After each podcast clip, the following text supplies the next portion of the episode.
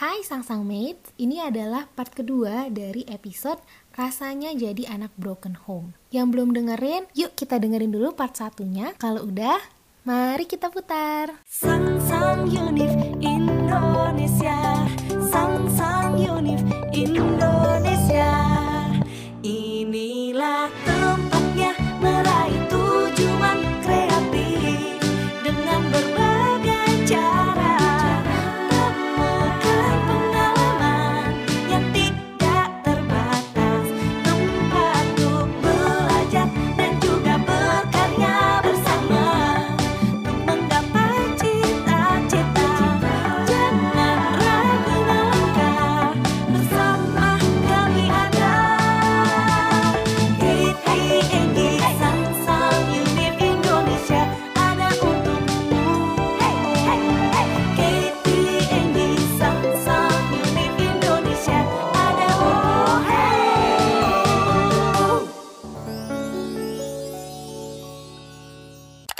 Iya, waktu itu kan karena masih ABG nggak bisa berpikir jernih gitu ya. Mm-mm, Jadi pas tahu berantem, ah, ah, jadi pas tahu berantem, mama nanya mau makan nggak? Nggak.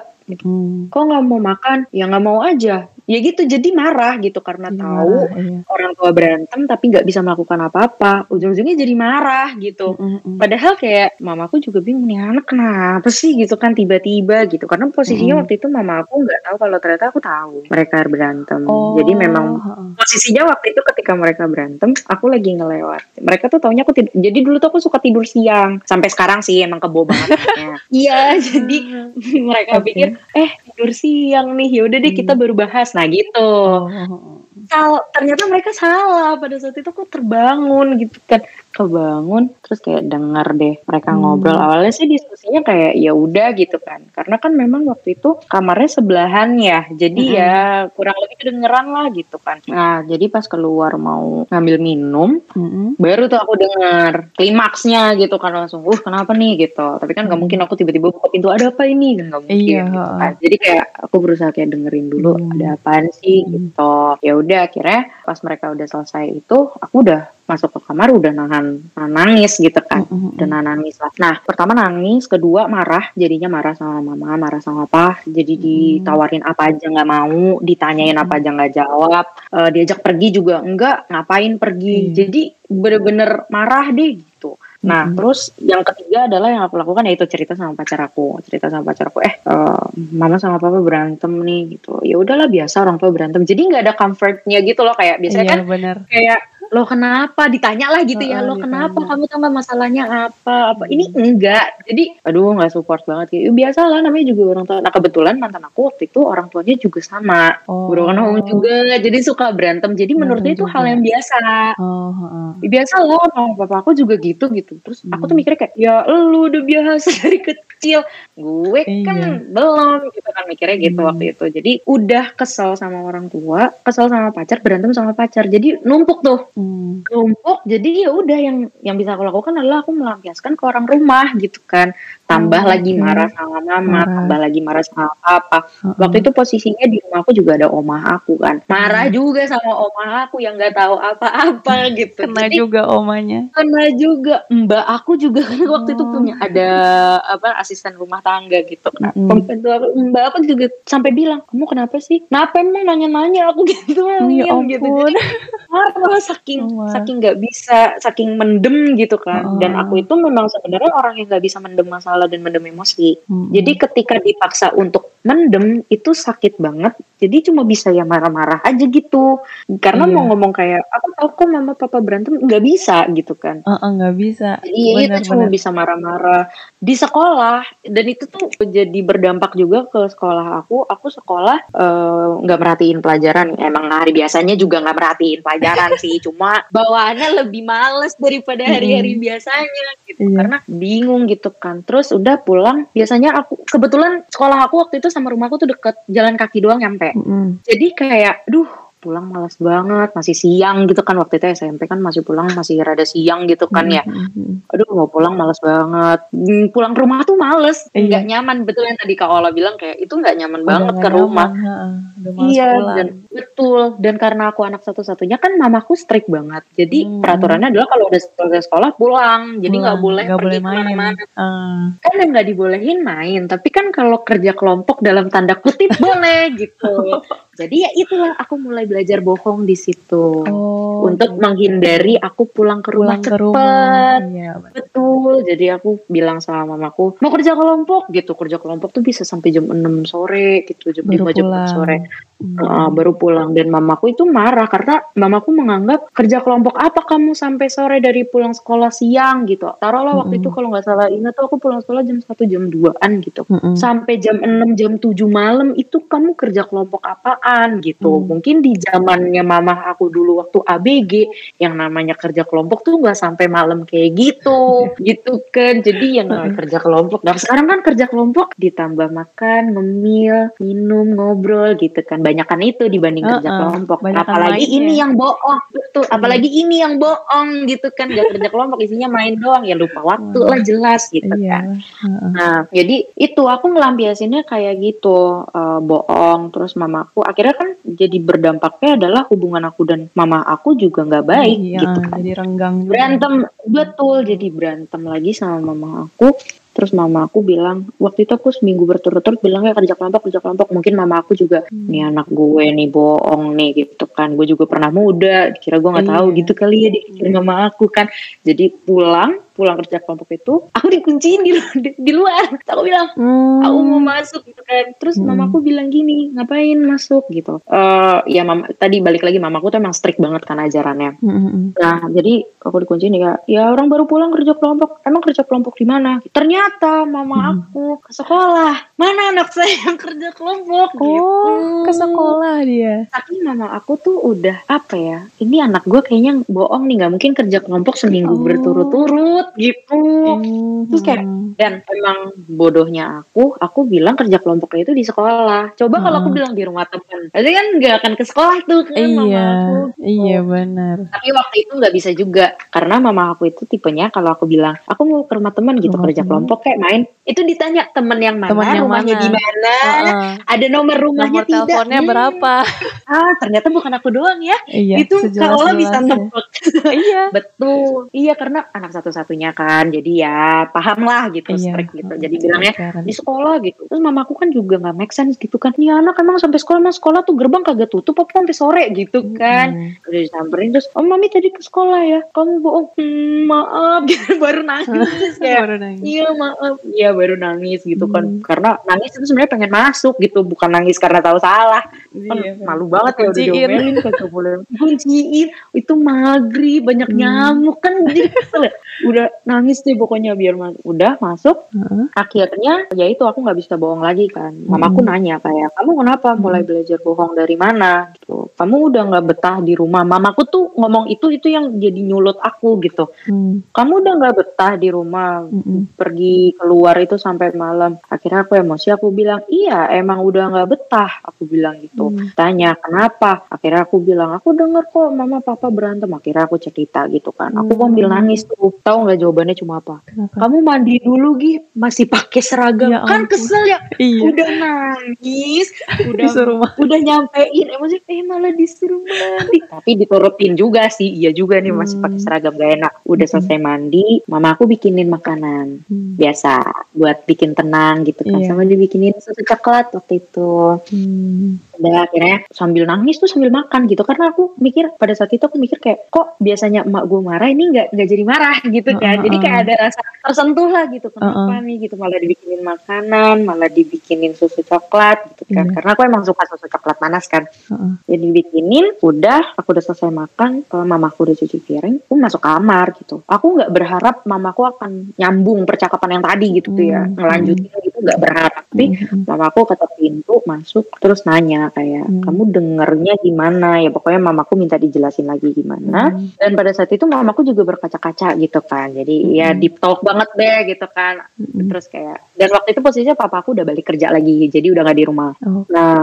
terus ya jadi tinggal udah berdua sama mama Mm-mm. aku ngobrol apa segala macam. terus mama minta maaf Hmm. maaf ya waktu itu minta maaf maaf ya kalau ternyata ngedengar mama sama papa berantem tuh bikin kamu sedih dan waktu Hmm. itu mama aku bilang tapi masalahnya udah selesai kok mama aku bilang kayak Hmm. gitu jadi kan kupikir kayak oh bener nih ya udah nggak ada yang berantem berantem lagi Udah ya bakal ada gitu. lagi berantem berantem. Iya, terus kata mamaku, iya kamu tenang aja. Ya udah namanya Hmm. anak masih SMP, Iya. dibilang kayak gitu kan tenang-tenang aja. Heeh. Ya udah akhirnya dari SMP masuk SMA, ya emang nggak nggak pernah nggak pernah dengar mama sama papa berantem gitu.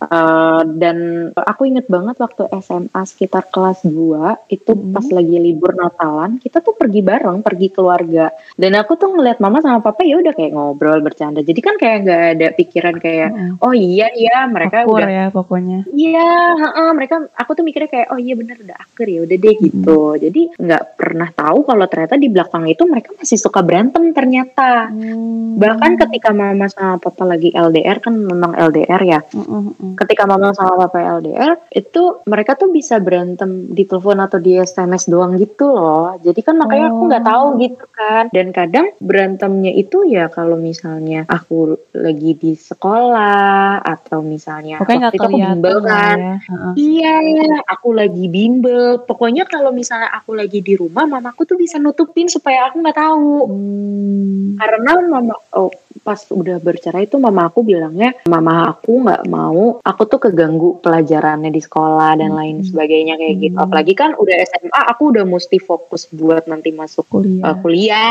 Hmm. gitu kan udah harus mikir. Jadi mama aku tuh nggak mau ngebuyarin konsentrasi aku lah Iya. istilahnya kayak gitu. Heeh. Jadi ya mereka berantemnya colong-colongan gitulah supaya aku nggak tahu dan Hmm. hebatnya ini aku sampai bilang hebatnya ya ketika mereka papa lagi pulang gitu mereka lagi nggak LDR mereka bisa kayak tahan emosi supaya aku nggak tahu Hmm. gitu jadi kayak bener-bener ya paling itu kalau misalnya aku lagi pergi sama temen aku baru mereka kayak ngobrolin jadinya berantem dan yang tahu tuh Hmm. omah aku omah dan opah aku karena kan memang opah aku Rumah. tinggal ah ah, omah satu rumah Oh. kalau opah kan rumahnya cuma beda gang lah gitu Hmm. jadi eh, yang tahu mereka ya udah yang nenangin mereka jadi aku tuh benar-benar nggak tahu apa-apa gitu sampai ya udah akhirnya aku masuk kuliah Mm-mm. masuk kuliah semester 2 ya semester 2 mulai jadi semester 2 itu rumah aku tuh direnov. Karena memang dari dulu tuh rumah aku nggak pernah direnov kan. Terus kayak udah harus banget deh direnov. Udah nggak bisa ditunda-tunda lagi lah gitu. Ya renov terus aku ngontrak kan sama mama. Mm-mm. ngontrak sama mama. Dan perkara renov rumah aja tuh bisa jadi ribut gitu. Jadi memang hubungan mereka awalnya nggak baik. Heeh. ditambah renov rumah kan ekonomi jadi mesti lebih diperketat lagi. Oh, iya. dan lain sebagainya gitu kan perkara nambah milih ya. iya perkara Nambah milih ribet. kamu mau cat warna apa aja tuh bisa jadi masalah gitu jadi Hmm, dan aku mikirnya gitu. waktu itu kayak oh ya udah wajar lah gitu aku juga waktu itu mikirnya udah mulai kayak wajar lah gitu jadi Hmm. nggak ada mikir kayak ih apaan sih masalah kayak gitu doang enggak jadi kayak ya namanya juga beda pendapat mikirnya tuh udah kayak gitu Hmm. gitu nah terus udah akhirnya Mm-mm. udah kayak gitu eh, mereka berantem kecil-kecil aku nganggep wajar terus waktu itu aku pacaran nih sama pacar Hmm. aku yang sampai sekarang aku masih pacaran nih sama dia. Oh, itu beda SMA. banget. Iya beda dari yang SMA jadi pas kuliah ini aku punya pacar baru. Heeh. gitu. Kita sebut dia G ya. Jadi si G ini kayak apa ya investigasi aja kita. Ini inisialin nama samaran. gitu. Iya nama samaran. Jadi si G ini tuh orangnya lebih suportif untungnya kan. Oh, bagus jadi lah. ah, ah, jadi dari masalah yang kecil-kecil kan akhirnya mulai tuh. Mungkin yang namanya orang udah tinggal bersama terus ribut terus tiap hari mungkin lama-lama kan gak tahan juga gitu ya Mm-mm. dan mungkin menganggapnya bahwa ini kan anak udah gede jadi ya udahlah oh, wajar aja kalau tahu gitu loh Hmm. mikirnya jadi ya mulai tuh kayak aku denger mereka ya udah bagus lu denger gitu loh kayak ya emang lu Hmm. harus tahu lu udah gede gitu Malah ditunjukin ya kalau Jadi- udah gede. ah, ah, ah, malah ditunjukin mungkin dengan anggapan supaya aku bisa memilih dan memilah dengan sendiri mana yang benar mana yang salah Mm. gitu. Jadi ya udah mereka berantem, mereka apa. Dan pas aku kuliah semester 3, mama aku tuh Hmm. mulai bisa curhat sama aku. Hmm, gitu. Ini loh, papamu kok ngomong kayak gini, kok papamu begitu dan lain sebagainya. Karena aku memang, lebih deket sama mama kan, Mm-mm. ketimbang sama papa. Jadi mamaku mulai tuh cerita sama aku curhat. Terus aku cuma bisa kayak ya udah sabar aja. Terus gimana gitu. Jadi udah nggak kaget kayak dulu pas SMP gitu kayak SMP, ya. ih apa nih gitu oh, oh, Iya. jadi udah nggak itu lah nah biasanya aku kalau kayak gitu ceritalah sama pacar aku berantem Mm. tahu berantem gini gini gini gini dan dia tuh Mm. responnya juga kayak coba kamu kasih tenang mama atau kamu ajak pergi gi mama jadi pacar aku tuh suportif gitu kasih solo- Jadi kan- solusi lah ya. betul kasih solusi kasih jalan keluar Mm. jadinya ya udah aku juga kayak lebih nyaman lah jadi gimana ya yang tadinya rasa kesel rasa bete kok orang tua gue Mm. berantem lagi tapi Mm. jadi kayak lebih adem karena pacar aku juga kayak support kan kayak ya udah kamu sabar kamu ajak mama aja makan atau kamu dengerin aja dulu mama kamu eh, ceritanya apa dan lain sebagainya. Jadi ada yang nenangin gitu. Nggak Mm-mm. ber- nggak berasa kayak kok gue sendirian banget gitu. Jadi ada tempat untuk bersandar akhirnya Benar-benar, gitu ya. ada tempat untuk bersandar gitu. Nah Hmm. Akhirnya sampai aku kuliah udah semester akhir bikin skripsi Hmm. udah mumet bikin skripsi dan waktu itu hubungan aku sama pacar aku tuh memang nggak baik lagi nggak bagus Hmm. jadi eh, lagi fase tahap berantem hampir tiap hari Oh. jadi udah mumet banget terus mama aku cerita berantem juga sama papaku sampai akhirnya di suatu hari mamaku ketuk apa ngetok pintu kamar terus Mm-mm. bilang dek kayaknya mama sama papa mau pisah aja Hmm. geledek lah waktu itu gitu kan lagi pusing skripsi Mm-mm. posisinya lagi berantem sama pacar aku jadi udah mumet banget deh Eh, memang pikiran udah mumet terus tiba-tiba dikasih kabar mereka mau pisah aku pertama mikir hmm, pertama nggak bisa mikir gitu nggak Mm-mm. bisa mikir terus nggak nggak mau komentar apa apa kayak cuma diem kaget Heeh. terus mamaku juga duduk gitu nunggu nunggu respon aku Heeh. ada kali mungkin sekitar dua menit tiga menit aku cuma diem doang ngeliat mama aku mamaku juga cuma ngeliat aku doang gitu Hmm. Terus aku bilang, kenapa? Aku tanya gitu. Hmm. Iya, karena udah nggak cocok lagi lah. Pertanyaan pertama aku cuma gini, setelah berpuluh-puluh tahun menikah, terus baru ngerasa nggak cocoknya sekarang. Aku tanya Hmm. gitu. Terus kayak, iya sebenarnya udah nggak cocok tuh udah lama, tapi mamaku itu mikirin aku yang masih kecil. Oh. Nah, mama aku menganggap kan sekarang aku udah besar nih Udah ceritanya, udah dewasa lah gitu, udah kuliah, udah mau kerja dan lain Mm-mm. sebagainya. Jadi mama aku tuh punya harapan bahwa aku bisa menerima, bisa lebih dewasa dan lain sebagainya gitu. Terus iya yang namanya anak mau sebesar apa pun, mau setua apa pun usianya, kalau dengar orang tua cerai kan pasti nggak akan bisa ya. Bener banget. nggak akan bisa kayak ya udah gitu. Pasti kan kayak lo kenapa? gitu. Nah karena aku udah di umur yang segitu berarti kan waktu itu aku sekitar umur berapa tuh ya? 18 19 20 ya sekitar 20 21 20-an. tahun lah ya. Mm. nah itu aku udah mulai bisa kayak kenapa? Emang berantemnya apa? Kenapa emang berantemnya apa masalah pastinya apa dan lain sebagainya gitu jadi aku tanya mamaku juga dengan gamblang menceritakan gitu Hmm. iya loh masalahnya ini dan lain sebagainya nggak bisa diselesaikan baik-baik gitu kan Hmm. Terus aku bilang kenapa nggak bisa diselesaikan baik-baik? Pokoknya aku tanya terus. Semua jawaban yang mamaku kasih itu aku tanya balik. Hmm. Jadi aku counter terus sama aku karena saking segitu nggak maunya mereka pisah gitu. Jadi terus mama aku mungkin ada di tahap kesel juga kali ya. Hmm. Semua orang punya emosi gitu kan. Jadi Hmm. mama aku nangis, mama aku bilang kayak gini. Ya kalau mama udah bilang nggak bisa, ya tandanya nggak bisa. Jangan nanya-nanya lagi. Oh. Aku digituin. Udah sampai ngomong. Aku tambah marah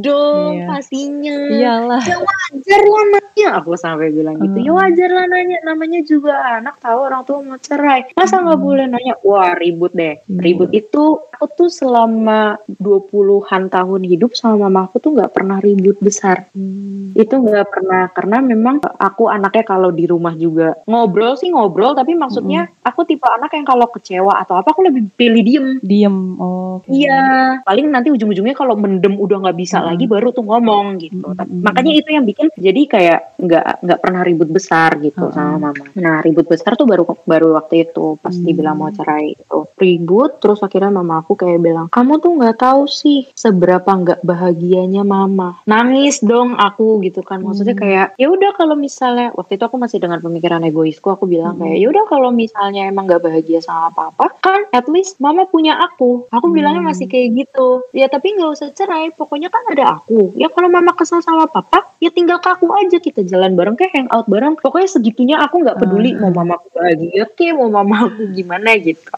Segitu egoisnya gitu.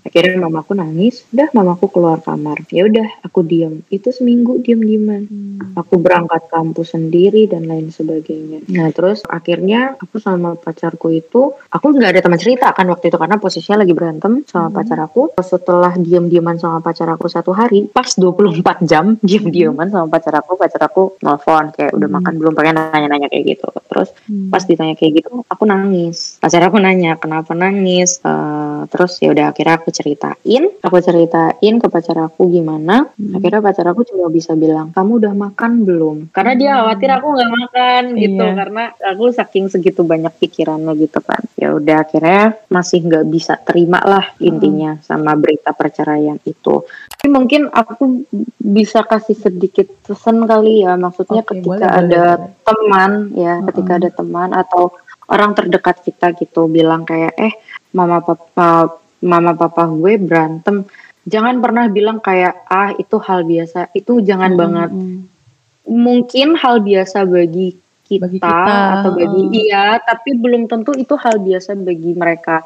Benar. contohnya ya itu tadi ya pas aku nggak pernah tahu orang tua aku berantem terus aku kaget kalau digituin kan aku jadi kayak loh emangnya wajar ya hal kayak gitu? Jadi nggak membantu sama sekali gitu. Mm-mm. jadi eh, sebenarnya bukan masalah broken home atau orang tua ber- berantem doang ya Mm-mm. untuk semua hal gitu ketika ada orang yang minta bantuan Mm. sama kita atau mau cerita tuh jangan pernah nganggap itu tuh hal sepele dan jangan pernah sekali-sekali tuh kita bilang kayak lo tuh gimana sih kayak nyalahin itu tuh jangan karena Mm. pertama ketika kita lagi ada di fase tersebut atau lagi bermasalah itu kita nggak tahu gimana caranya bersikap kedua Mm. eh, ketika kita menentukan pilihan pasti udah dipertimbangin Mm-mm. kayak gitu. Yang ketiga, sekalipun misalnya dilakukan karena berdasarkan emosi, tapi Mm. tetap kita nggak boleh kayak nyalahin, lo tuh parah banget sih, kok kayak gitu. Nah itu nggak boleh. Itu bener-bener bikin down banget, Bikin jujur. banget, iya. Ah, ah, karena memang anggap aku ada 10 teman nih, enamnya tuh aku singkirin, saking mereka toksik. Iya. Jadi yang bertahan sama aku gitu. tuh cuma iya, jadi mereka tuh komentarnya kayak gitu kayak Mm. ya udah sih lo sabar aja ya lo kenapa juga kayak gitu jadi nyalah nyalahin nyalahin kita It's- malah. iya dan itu jujur itu bikin aku drop banget aku mikir Hmm. kayak kok nggak ada lagi ya yang peduli kok nggak ada lagi ya yang Mm-mm. mikir kayak apa ya kayak ngerasa oh iya gue ngerti banget rasanya jadi Tasya Hmm. itu tuh nggak ada yang kayak gitu Mm. dan itu yang sebenarnya dikhawatirkan akhirnya kenapa kan eh, apa namanya banyak anak yang broken home atau sebenarnya nggak broken home tapi karena masalahnya banyak akhirnya mereka memutuskan untuk suicide gitu kan Iya. itu kan salah satunya karena itu karena lingkungannya menganggap masalah mereka tuh biasa, gitu aku tuh juga pernah ada di fase aku mau suicide Mm. karena lingkunganku nggak suportif tapi Hmm. untungnya masih ada yang support aku dengerin aku comfort aku akhirnya ya aku masih ada sampai sekarang seperti Hmm. itu Mhm. Iya, untung banget sih ya. Ya, berarti lingkungan lingkungan tuh berpengaruh banget ya sama sama kita sendiri ya. Pokoknya itulah baik-baiklah milih lingkungan. Emang eh, kita juga nggak nggak bisa milih sih. Mungkin eh, itu apa ya kayak seleksi alam lah ya. Tapi ya Ya, ya sebisa mungkin pilih lingkungan yang bikin kita berkembang lah. betul Soalnya betul sekarang tuh lingkungan tuh macem-macem gitu loh adanya. macam-macam ya macem-macem ntar ntar yang begini begitu ya sesuaikan ya sama dia. Oke, udah panjang banget. Udah mau dua jam tahu kita ngobrol.